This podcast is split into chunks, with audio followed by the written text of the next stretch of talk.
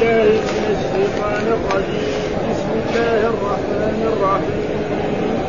لن يستنكف المسيح أن يكون عبدا لله ولا الملائكة المقربون ومن يستنكف عن عبادته ويستكبر فسيحشرهم إليه جميعا.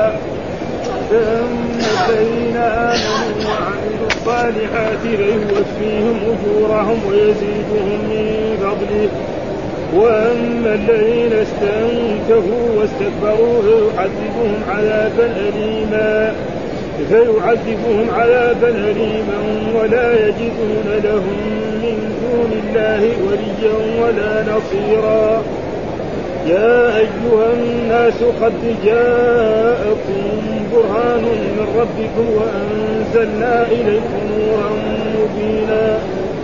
فأما الذين آمنوا بالله واعتصموا به فسيدخلهم في رحمة منه وفضل ويهديهم ويهديهم إليه صراطا مستقيما. يستفتونك قل الله يفتيكم في الكلالة إن امرؤ هلك ليس له ولد وله أخت فلها نصف ما ترك وهو يرثها. إن لم يكن لها ولد فإن كانت اثنتين فلهما الثلثان مما ترك. وإن كانوا إخوة رجالا ونساء فللذكر مثل حظ الأنثيين. يبين الله لكم أن تضلوا والله بكل شيء عليم. أعوذ بالله من الشيطان الرجيم. بسم الله الرحمن الرحيم. يقول الله تعالى وهو أصدق القائلين يا أهل الكتاب لا تغلوا في دينكم. لن يستنكف المسيح أن يكون عبدا لله ولا المقربون ومن يستنكف عن عبادته ويستكبر فسيحشرهم إليه جميعا. يقول الله تعالى في هذه الآيات لن يستنكف المسيح. المسيح هو المسيح عيسى بن مريم. نعم نبي بني إسرائيل الذي خلقه الله يعني بأم بدون أب وهذا هو المسيح. وسمي المسيح لأنه كان يسيح في الأرض أن يكون عبدا لله. لماذا؟ لأن بعض الناس يدعوا أنه إله. ها كالنصارى ها فلذلك الله يرد عليهم قال لن يستنكف المسيح أن يكون عبدا لله. بل هو عبد لله مثل ما قال الله تعالى عن رسولنا محمد. نحن نحن نقول أشهد أن لا إله إلا الله وأن محمدا إيه؟ عبده ورسوله. عبده ورسوله. محمد هذا عبد الله ورسوله. وكذلك جميع الأنبياء لن يستنكفوا أن يكونوا عبد الله. و... وإن كان النصارى عبدوا من دون الله مثل ما قال الله تعالى اتخذوا احبارهم ورهبانهم أربابا من دون الله. والمسيح ابن مريم ما أمروا إلا أن يعبدوا إلها واحدا لا إله إلا هو سبحانه عما يشركون. وذكر الله تعالى يعني الرسول باسم العبودية في أعظم أمكنة. منها سبحان الذي أسرى بعبده ليلا من مين المراد بعبده في هذه الآية؟ الرسول محمد صلى الله عليه وسلم. ها؟ الحمد لله الذي أنزل على عبده الكتاب ولم يجعل له وإن كنتم في ريب من من ما نزلنا على عبدنا فأتوا بسورة من مثله. هذه محلات المدح. والثناء ما قال مثلا سبحان الذي أسرى بنبيه وبرسوله. لا. عبده ها؟ لأن العبد الذي أدى حقوق العبودية أكمل شيء هو الرسول محمد صلى الله عليه وسلم. ما حد وصل إلى هذه. ولذلك عائشة قالت له يا رسول الله ليش أنت تصلي حتى تتفتر؟ قال أفلا أكون عبدا شكورا. غفر لك ما تقدم من ذنبك قال أفلا أكون عبدا أدى العبودية أكمل ما يكون الرسول محمد صلى الله عليه وسلم. وكذلك الأنبياء والرسل.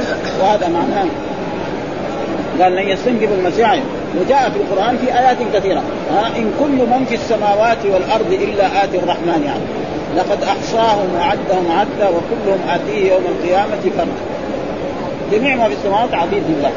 ما في واحد. بخلاف الدنيا هنا الملوك والأمراء الموظفين الكبار دول كلهم شركاء للملوك. ها؟ ابدا. ما يقدر واحد ملك يقول يدير الملك لحاله ها؟ ابدا. ولذلك قال لن يستنكر أن يكون عبدا لله ولا الملائكة ولا كذلك الملائكة المقربون ها؟ بل هم يعترفون أنهم عبيد الله سبحانه وتعالى ولذلك وقالوا اتخذ في قول الله تعالى وقالوا اتخذ الرحمن ولدا سبحانه. وقال اتخذ الرحمن ولدا سبحانه. بل عباد مكرمون. لأن بعض الكفار وبعض المشركين يقول أن الملائكة إيه؟ نعم يعني أولاد الله.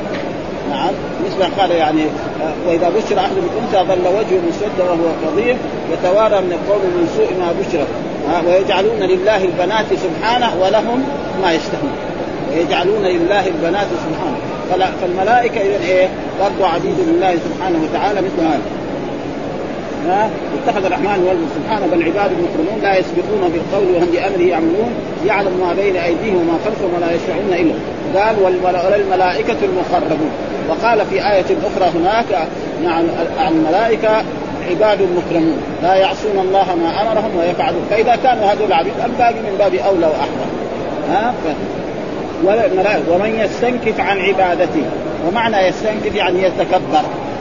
ها بل يتشرف الإنسان أن يكون عبدا لله والأنبياء يتشرفون بذلك وكذلك الرسل صلوات الله وسلامه عليه وكذلك الصالحون ولذلك الله مدحهم في مقام المدح بهذه الامداح في هذا قال ومن يستنكف عن عبادته يعني يتكبر عن عبادته هكذا الكفار المشركين الذين لم يعبدوا الله ويستكبر فسيحشرهم إليه جمع، إيش معنى الحشر؟ الجمع. قال الله تعالى في عن فرعون فحشر فنادى. إيش معناه؟ جمع جيوشه عشان إيه؟ نعم يحارب يعني موسى عليه السلام وهذا إليه جميعا، فإذا حشرهم إليه جميعا يحاسبهم، المؤمن نعم يدخلهم الجنة والكفار يدخلهم النار ويعذبهم ثم قال فأما الذين آمنوا يعني إذا حشرهم فأما الذين آمنوا في هذه الدنيا وعملوا الأعمال الصالحة آمنوا يعني صدقوا الله ورسوله وصدقوا جميع ما جاء عن الله ورسوله وعملوا الأعمال الصالحة إيش العمل الصالح؟ ما استوفى شرطان. أن يكون العمل خالصا لوجه الله لا رياء فيه ولا سمعة. وأن يكون موافقا لما جاء عن رسول الله صلى الله عليه وسلم. يعني هذا هو العمل الصالح. لابد له شرطان. أول يكون خالصا لوجه لا للرياء ولا للسمعة. يصلي لله يصوم لله يتصدق لله. أما إذا كان لأجل أن يراه الناس أو يسمع عليه فالله لا لأنه جاء في الأحاديث الصحيحة أنا أغنى الشركاء عن الشرك من عمل عملا أشرك به غيري تركته وشركه هذا العمل الصالح ولذلك جاء في الأحاديث من أحدث في أمرنا هذا ما ليس منه. فإذا عبد الله عبادة لم يشرعها الرسول مثلا واحد يقول المغرب ثلاثة خليها أربعة. فإن صلاة خربانة لا تكمل ابدا لازم يصلي ثلاثة. صلي كمان يصليها زي ما أمر الرسول. صلوا كما رايتموني وهكذا يعني لابد فيوفيهم أجورهم. يعني يعطيهم أجورهم. الحسنة بعشر أمثالها إلى 700 ضعف إلى أضعاف كثيرة. ها؟ ويزيدهم من فضل كما. ها؟ يزيدهم من فضل. وقد مر علينا يعني رجل يعني سقى كلبا فشكر الله له فغفر له فأدخله الجنة. يعني رجل ممن كان قبلنا كان عطشان أشد يموت من العطش نعم فرأى بئرا فنزل وشرب. ولما خرج من البئر وجد كلبا يلهث من العطش. يبغى يموت من العطش. فقال إن هذا الكلب قد بلغ منه إيه؟ مثل ما بلغ. فدخل إلى البئر وأخذ في كفه يعني في جزمه أخذ بأسنانه. لأنه ما عنده حبل ولا عنده شيء. أخذ بأسنانه وخرج وسخى الكلب. الحديث في صحيح مسلم. أو في البخاري ومسلم على كل حديث صحيح مسلم تمام أنا متأكد هذا. ها فشكر الله له فغفر له فأدخله الجنة. كلب يفر طيب لو سقى مسلما أو مؤمنا أو إيش يصير؟ لو سقى شاة أو بقرة أو ناقة هذا ماذا يعني نجس ها فإذا اعمال يعني أي شيء فلذلك قال ويزيدهم من فضله. وهذه الزيادة قد يعني شفاعة رسول الله صلى الله عليه وسلم أو رؤية الرب سبحانه وتعالى كل ذلك. قال وأما الذين استنكروا عن عبادة الله وقالوا أن الله لا يعبد أو يعبد معه غيره واستكبروا نعم فيعذبهم عذابا اليم فيعذبهم الله يوم القيامة عذابا اليما. آه، ولا يجدون لهم من دون الله وليا ولا يجدون لهم من دون الله وليا ولا نصيرا. يعني وليا يتولى أمرهم ولا نصيرا وهؤلاء يكونوا في الجنة وينعمون وهؤلاء يكونوا في الغاد وهذا لابد من هذا ولا بد أن يأتي مثل هذه الأشياء. ثم بعد ذلك يقول الله تعالى نعم ويزيد قال الشفاعة. ها؟ يقول الشفاعة في من في من وجبت النار يعني الناس يكون وجبت ومعلوم أن الشفاعات تنقسم إلى اقسام منها شفاعات خاصة بالرسول صلى الله عليه وسلم وشفاعات يشترك الرسول وغيره فمنها ناس قد حكم الله عليهم بالنار فيشفع فيهم ناس من المؤمنين فيخرجون فلا يدخلون النار ويدخلون الجنة. ثم بعد ذلك يقول الله تعالى يا أيها الناس قد جاءكم برهان من ربكم. إيش معنى البرهان؟ معنى الحجة. زي السلطان في القرآن. إن عندكم من سلطان. إيش السلطان في القرآن؟ دائما الحجة والبرهان. فيقول في هذه الآية وهو الدليل القاطع للعذر والحجة المزيلة للشبه. فجاء مثلا الله بعث إلينا إيه؟ رسل صلوات الله من من لدن نوح إلى محمد صلى الله عليه وسلم وبينوا لنا الطريق الذي يوصلنا إلى الجنة. فقالوا هذا الطريق مثل جاء في القرآن أن هذا صراطي مستقيما فاتبعوه ولا تتبعوا السبل فتفرق بكم عن سبيله. أن هذا صراطي مستقيما وهذا الصراط نقدر نفسر بإيه؟ بالقرآن.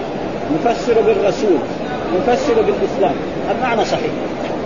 وأن هذا أن هذا القرآن أن هذا الإسلام أن هذا الرسول محمد كله صحيح ها مثل ما قال في إيه؟ في سوره اهدنا الصراط المستقيم. يعني دلنا وأرشدنا وثبتنا حتى نموت ونحن على طريق الرسول محمد صلى الله عليه وسلم. يقول يا أيها الناس قد جاءكم برهان من ربكم، إيش البرهان؟ قال هو الدليل القاطع للعذر، فالله جاء أرسل الرسل وبينوا ذلك في الكتب وبينوا هذا الطريق يوصلك إلى الجنة. مثل ما قال فيه إنا هديناه النجدين يعني الطريق هذا طريق يوصلك إلى الجنة، هذا طريق يوصلك إلى النار، وجاء كذلك في هناك في في سورة هل أتى الإنسان حين لم يكن شيئا إنا خلقنا الإنسان من امشاج من الطريق وجعلناه سميعا. إنا هديناه السبيل. اما شاكرا واما كفر وهذا واحد يقول طيب الله قدر عليه يصير كافر هذا غلط. ليه؟ لأن الله ما يعذب إنسان ولا حتى يبين له ويكون عنده إيه عقل. ها؟ ويبين له هذا الطريق يوصل مثال لذلك يقرب هذا المعنى أن إنسان مثلا الآن في هذه الدنيا رجل عنده سيارة ويعرف يسوق السيارة. قال أين الطريق إلى جدة؟ قلنا له تمشي من هنا وتروح من باب العنبرية وتروح على طريق الهند وتروح إلى جدة. قال لا هو يروح من هنا من الجاني على نفسه. هو الذي جنى عنه قال لا يروح قد يصل إلى إلى هو الجاد لذلك هذا الطريق يوصل خلاص. فإذا ما عنده عدل لا يعرف فلا بد إيه؟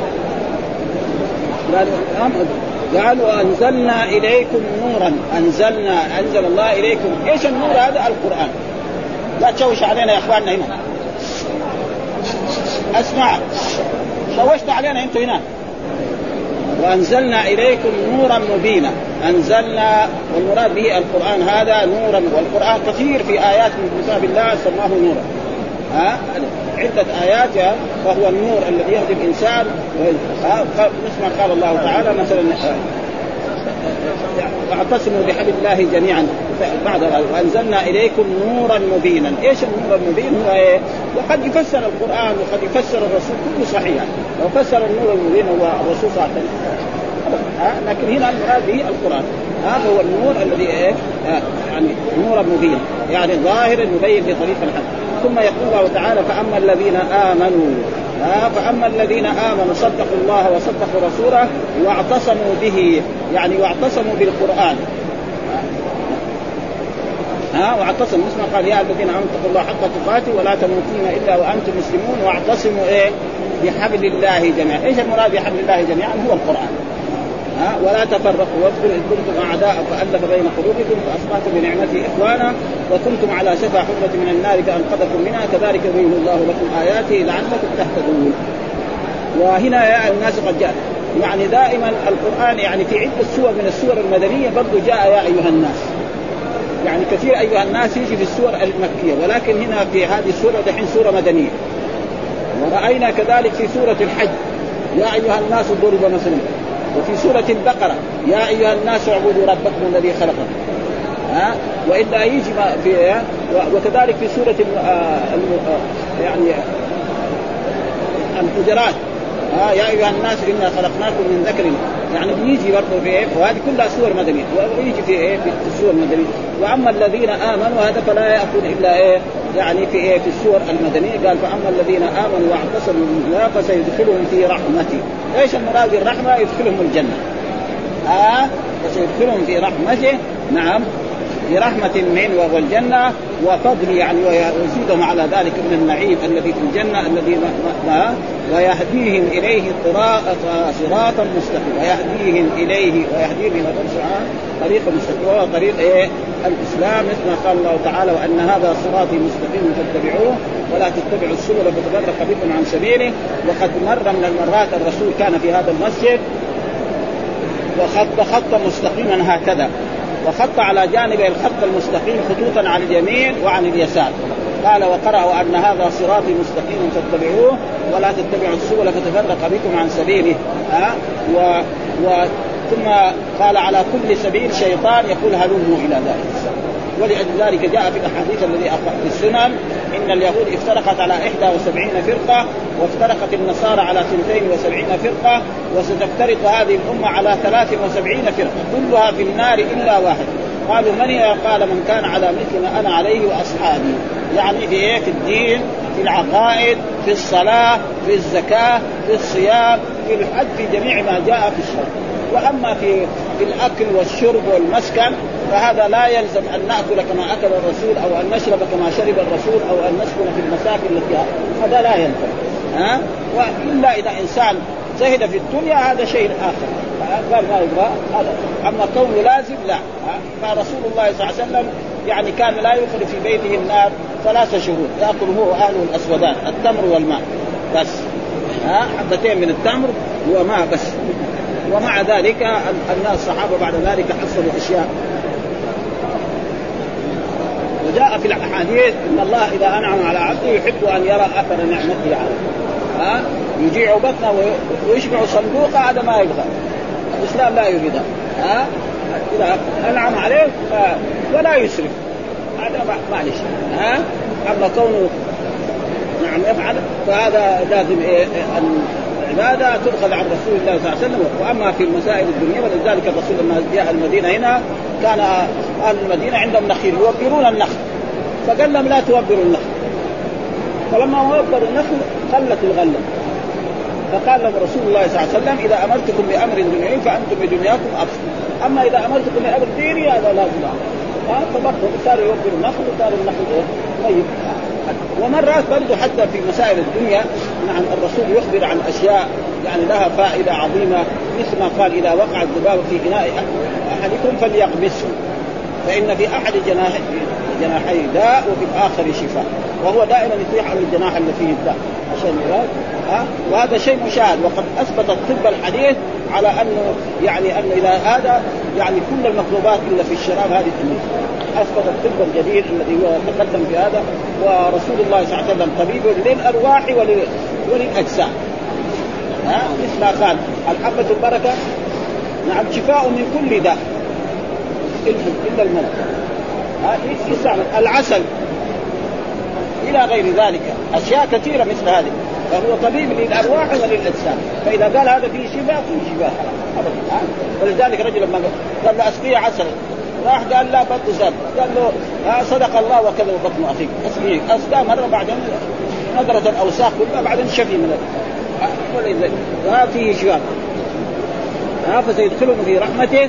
وفضله ويهديهم إليه صراطا مستقيما يقول تعالى مخاطبا يعني جميع الناس مخبر بأنه قد جاءهم برهان عظيم وهو الدليل القاطع للعذر والحجه والحجة المزيلة للشبه ولهذا قال وأنزلنا إليكم نورا مبينا ضياء واضحا عن الحق. وقال ابن جرير وغيره وهو القرآن.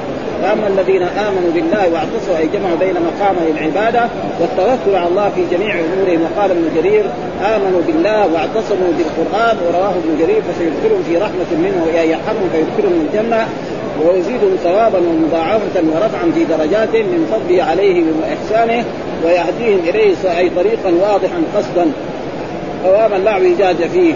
ها ولا انحراف فيه وهذه صفة المؤمنين في الدنيا والآخرة وهم في الدنيا على منهاج الاستقامة وطريق السلام وفي جميع الاعتقادات والعمليات وفي الآخرة على صراط الله المستقيم. المفضي إلى روضات الجنات. وفي حديث الحارث الأعور عن عن علي بن أبي طالب أنه قال القرآن صراط الله المستقيم وحبل الله المتين وقد تقدم. ثم ذكر هذه الآية قال يستفتونك قل الله يفتيكم في الكلاله ان امرؤ هلك ليس له ولد وله أخت فلا نصف ما ترك وهو يرثها إن لم يكن له ولد فإن كانت اثنتين فلهما الثلثان مما ترك وإن كانوا إخوة رجالا ونساء فللذكر مثل حظ الأنثيين يبين الله لكم أن تضلوا والله بكل شيء عليم. هنا يقول يستفتونك ومعنى يستفتون الضمير الكاف عائد على الرسول صلى الله عليه وسلم والواو الذي يعني أصحاب رسول الله صلى الله عليه وسلم والمؤمنون يطلبون من رسول الله صلى الله عليه وسلم الفتوى في هذه هذه المسألة التي هي من جملة إيه؟ الميراث. والميراث كان أهل الجاهلية لا يورثون النساء ولا يورثون الأطفال. يعني إذا مات الإنسان مين لا يرث؟ مثلا الأب والإخوان الكبار الذي يحارب ويقاتل أما البنت والزوجة وهذول لا يعطون ولا ولا قرش. يقول لأنه هذول لا يحاربوا ولا فجاء الإسلام نعم فحصل جاء الإسلام وبين ووضح كل ذي حق حق وأعطاه كله والسبب في نزولها والآيات التي في الميراث هي ثلاث آيات. آيتين في أول سورة النساء وآية في آخر سورة النساء. وأخواننا شوفوا بعدين. يقول يستفتونك. يعني يستفتوا إيه؟ أصحاب رسول الله صلى الله عليه وسلم. أو واحد منهم سأل هذا و... والناس كلهم في ذلك حاجة إلى ذلك فقال يستفتون فكانوا لا يورث. و... و... ونزلت الآيتين التي أول الآيات وهي قول الله تعالى يوصيكم الله في أولادكم للذكر مثل حظ الأنثيين إلى آخره ولكم نصف ما ترك أزواجكم. وكان سبب نزول هذه الآية أن يعني جاءت زوجة سعد بن الربيع إلى رسول الله صلى الله عليه وسلم فقالت يا رسول الله إن سعد بن الربيع قد يعني استشهد في في أحد. نعم وجاء أخوه عم عم البنات وأخذ المال كله.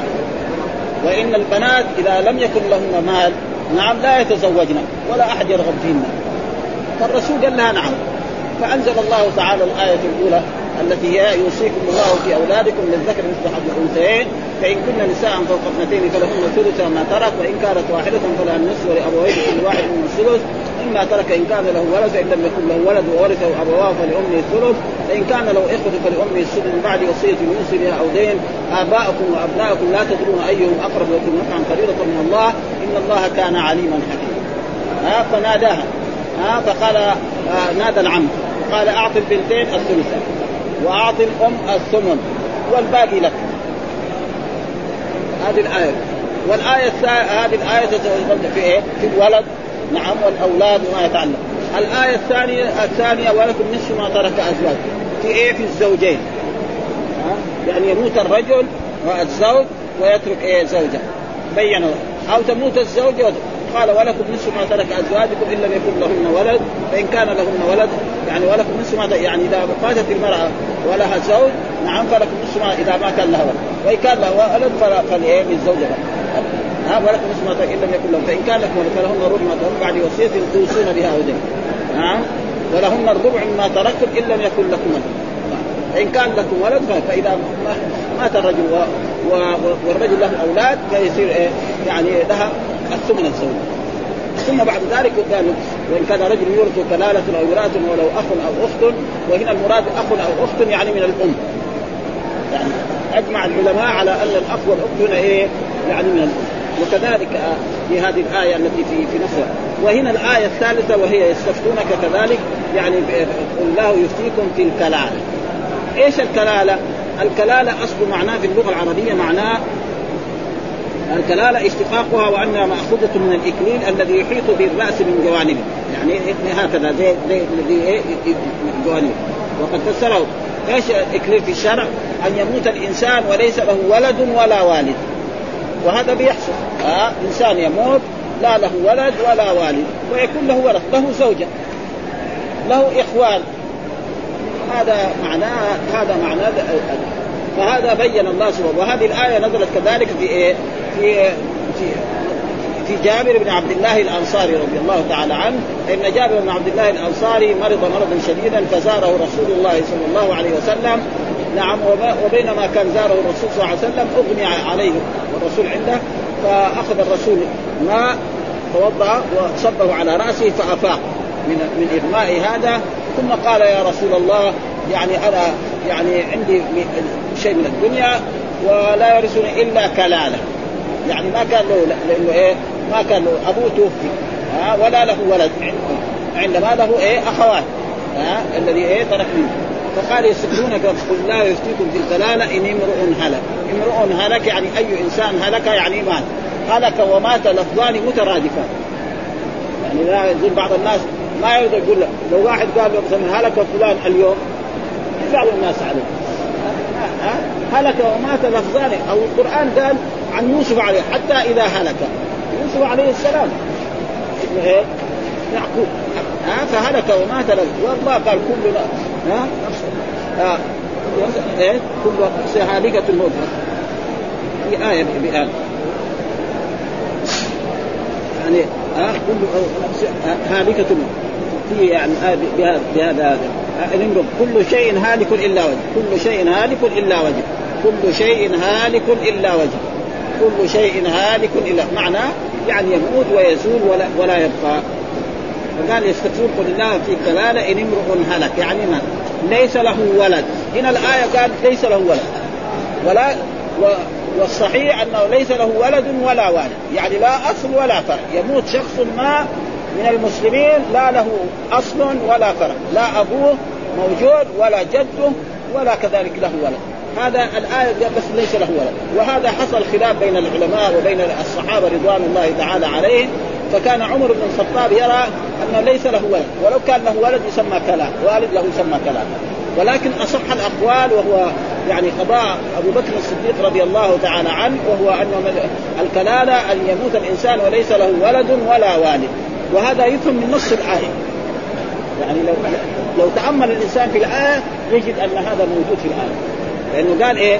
ها؟ وله أخت فلها نصف ما ترك.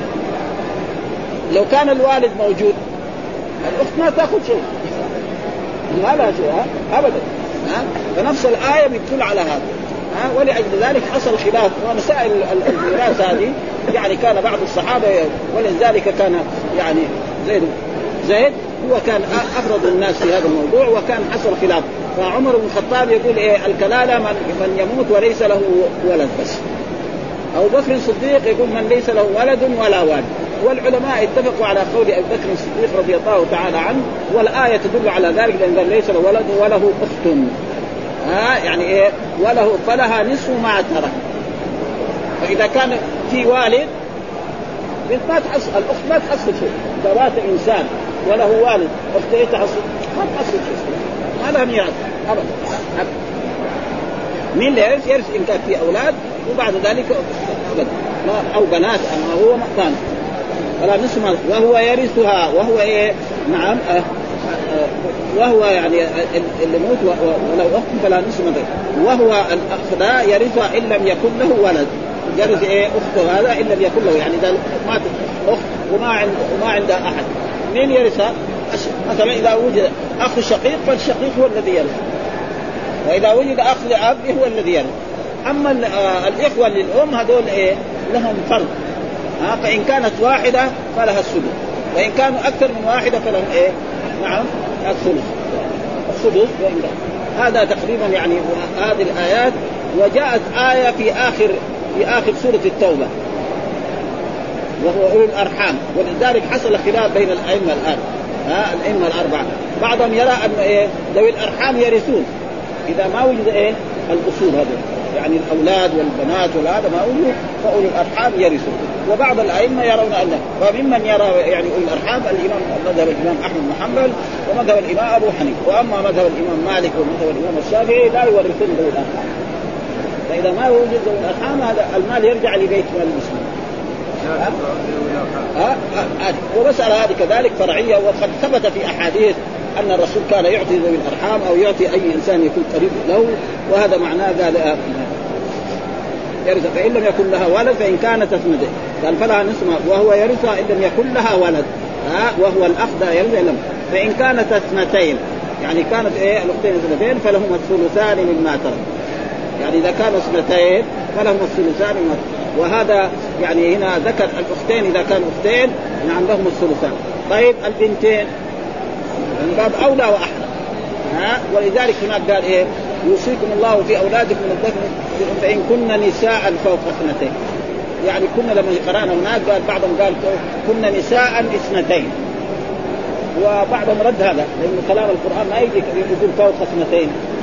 فإذا كان الأختين ترث الثلثان فالبنتين يكون إيه؟ وبأولى لأنه أقرب. فلأجل ذلك وهذا ثابت يعني تقريبا بالسنة ثبت في السنة في الأحاديث الصحيحة ونفس الآية تدل على ذلك ولهم الثلثان. وإن كانوا إخوة رجالا ونساء فللذكر يعني إخوة رجالا ونساء فللذكر مثل حظ الأنثيين يبين الله لكم أن يعني فيكون إيه؟ للذكر مثل حظ. إذا هذا أخذ الذكر أخذ عشرة البنت تأخذ إيه؟ خمسة. إذا هذا أخذ 100 هذا الثاني خمسين وهكذا. قال وإن كانوا إخوة رجال ونساء فللذكر مثل حظ الأنثيين يبين الله لكم أن تضلوا. ها؟ يعني يبين الله لكم ألا تضلوا. أن تضلوا معناه ألا تضلوا. إن تضلوا بمعنى الا تضلوا. ها والله بكل شيء عليم. يعني جاء الإسلام وأعطى كل ذي حق حقه. ها فلا وصية لوارث. وجاء في أحاديث عن رسول الله صلى الله عليه وسلم أنه لا يوصى لوارث إنما الورثه لهم إيه؟ يأخذ ما أعطاهم الله تعالى في هذه الآيات الثلاث. وهي الآية الآيتين التي في أول سورة النساء يوصيكم الله في أولادكم للذكر مثل حظ الأنثيين فإن كن نساء فوق اثنتين فلهن ثلث ما ترك فان كانت واحدة فلها النصف لأبوين كل واحد من الثلث مما ترك ان كان له ولد فإن لم يكن له ولد وورثه ابواه فلأمه الثلث إن كان لو إخوة فلأمه الثلث بعد وصية يوصي بها أو دين آباءكم وأبناءكم لا تدرون أيهم أقرب لكم فريضة من الله. إن الله كان عليما حكيما. ولكم نصف ما ترك أزواجكم إن لم يكن لهن ولد فإن كان لهن ولد فلكم الربع ما تركتم بعد وصية يوصين بها أو دين ولهن الربع ما تركتم إن لم يكن لكم ولد فإن كان لكم ولد فلهن الثلث ما تركتم بعد وصية يوصين بها أو دين وإن كان رجل يورث كلالة أو امرأة وله أخ أو أخت والمراد أخ أو أخت من من الأم.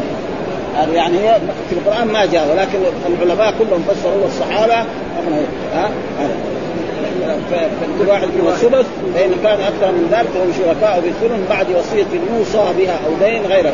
والوصية يعني ما بعد ذلك. والله قدم إيه الوصية الدين وأخر الدين. ليه؟ لأن الوصية قد الناس يعني ينكروها. أما الدين لو أنكروا مثلا والد الإنسان عليه دين. وقاموا الأولاد أنكروا. هذاك يجيب إيه؟ شهود. إن لي على والدكم كذا وكذا. ويجيب سند مكتوب عليه. ها وليس معناه أن الوصية أعظم من الدين. لا. ها أول شيء الدين. ها بعد ذلك إيه؟ الوصية. ها ولذلك إذا مات الإنسان وله مال أول شيء تجهيزه. الشيء الثاني الدين. بعد ذلك الوصية. ها والوصية بشرط الا تزيد عن الثلث. فإن زادت عن الثلث فلا يجوز. ها؟ ولذلك يعني يعني الإنسان يبغى يوصي يوصي بإيه؟ يعني بالثلث فأقل. مثل ما جاء في حديث سعد بن أبي وقاص لما مرض وزاره الرسول صلى الله عليه وسلم وقال إني ذو مال ولا يرثني إلا ابنه فابى اتصدق المال؟ قال للرسول لا. قال والشطر؟ قال لا. قال والثلث؟ قال والثلث كثير إنك إن تذر ورثتك ابنياء خير من أن تذرهم عالى يتكففون الناس. ها؟ فالإنسان يعني والله في أعطى كل ذي حق حقه فلا وصية لوارث ها وصية لوارث. فإذا إنسان عرف والورثه اجازوا ذلك فهذا شيء آخر.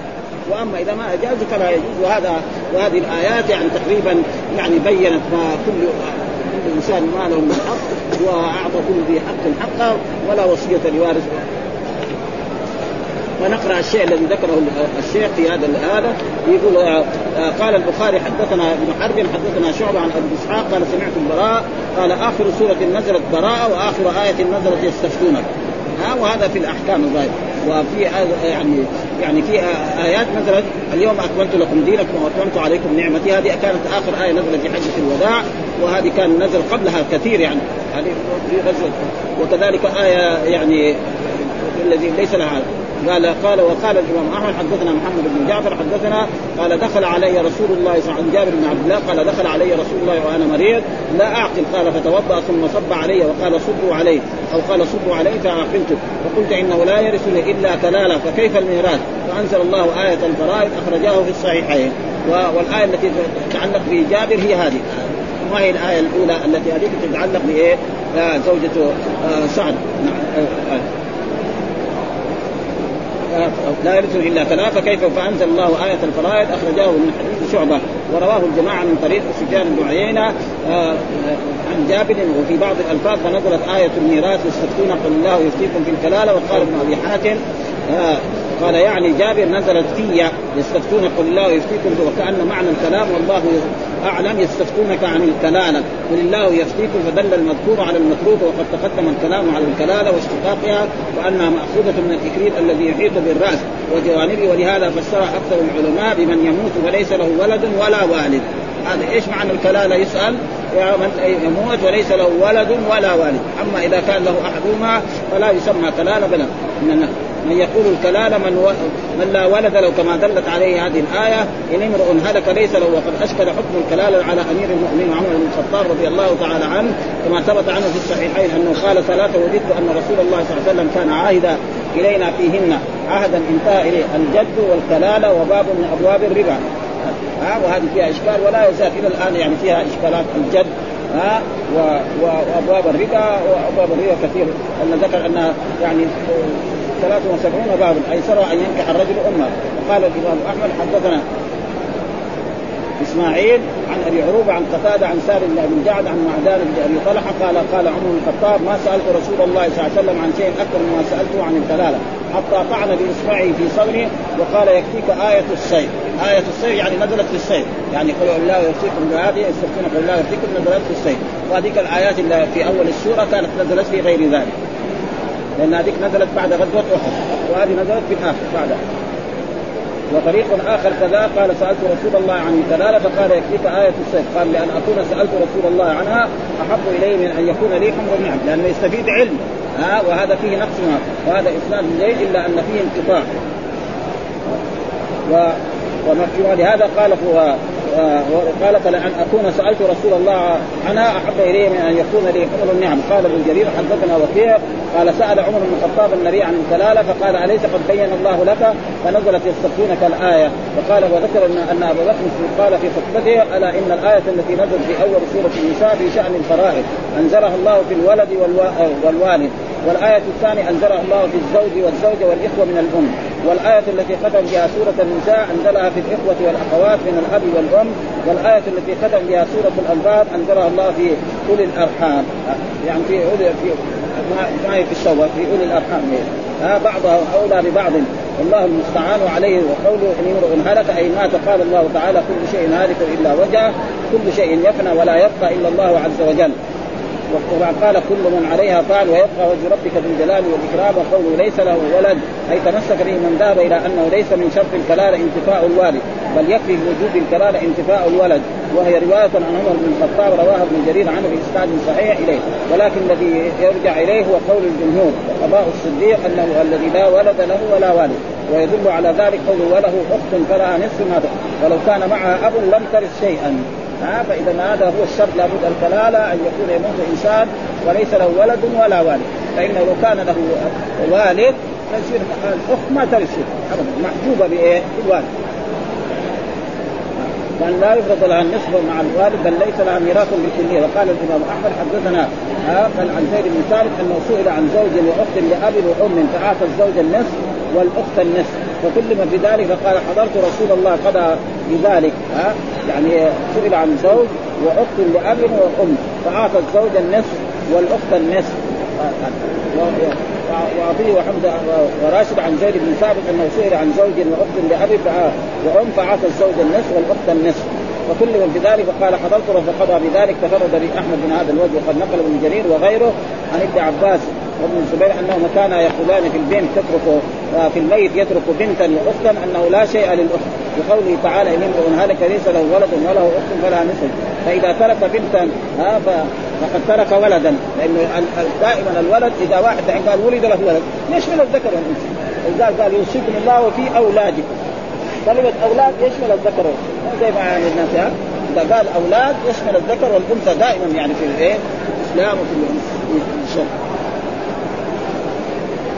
وقال في هذه المسألة للبنت النصف بالفرد وللأخت النصف الآخر بالتعصيب بدليل غير هذه الآية وهذه الآية نصت أن يفرض لها هذه السورة وأم وأما آه، وراثتها بالتعصب فلما رواه البخاري من طريق سليمان عن إبراهيم قال قضى فينا معاذ بن جبل عهد رسول النصف للبنت والنصف للأخت؟ ثم قال سليمان قضى فينا ولم يذكر على عهد رسول الله صلى الله عليه وسلم وفي صحيح البخاري عن عن هزيل بن شريح قال سئل موسى أبو قال سئل أبو موسى الأشعري عن ابنة وابنة وابنة ابن وأخت فقال لابنة للابنة النصف وللأخت النصف. وأتي ابن مسعود ها؟ ها؟ وأتي ابن مسعود. وسيتابعان قال واتي ابن مسعود فسيتابعان فسئل ابن مسعود فأخبره بقول أبي موسى فقال قال ضللت إذا ما إذا وما أنا من المهتدين أقضي فيها بما قضى النبي صلى الله عليه وسلم النصف للبنت ولبنت الابن الثلث تكملة الثلثين وما بقي فللأخ ها؟ وهذا هو تقريبا فاتينا أبا موسى وأخبرناه بقول ابن مسعود فقال لا تسألوني ما دام هذا الحبر فيكم. يعني هذا العالم الحبر معناه العالم اتخذوا أحبارهم ورهبانهم. وهو يرثها إن لم يكن لها ولد أي والأخ يرث جميع مالها إذا ماتت كلالة وليس لها ولد ولا والد لأن لو كان لها والد آه لم يرث الأخ شيء فإن فإن فإن فرض أن معه من له فرض صرف إليه فرض كزوج أو أخ أو أم وصرف الباقي إلى الأخ لما ثبت في الصحيحين عن ابن عباس أن الرسول قال الحق الفرائض باهلها فما أبقت الفرائض فلأولى رجل ذكر. ومعلوم الفرائض هي يعني النصف والربع والسدس والثلث والثلثان وهذه هي الفرائض وبعد ذلك إذا بقي شيء فيكون لاولى رجل ذكر يعني أولى رجل. ذكر هذا تأكيد الرجل ما يكون لا ذكر فهذا يعني تقريبا تأكيد.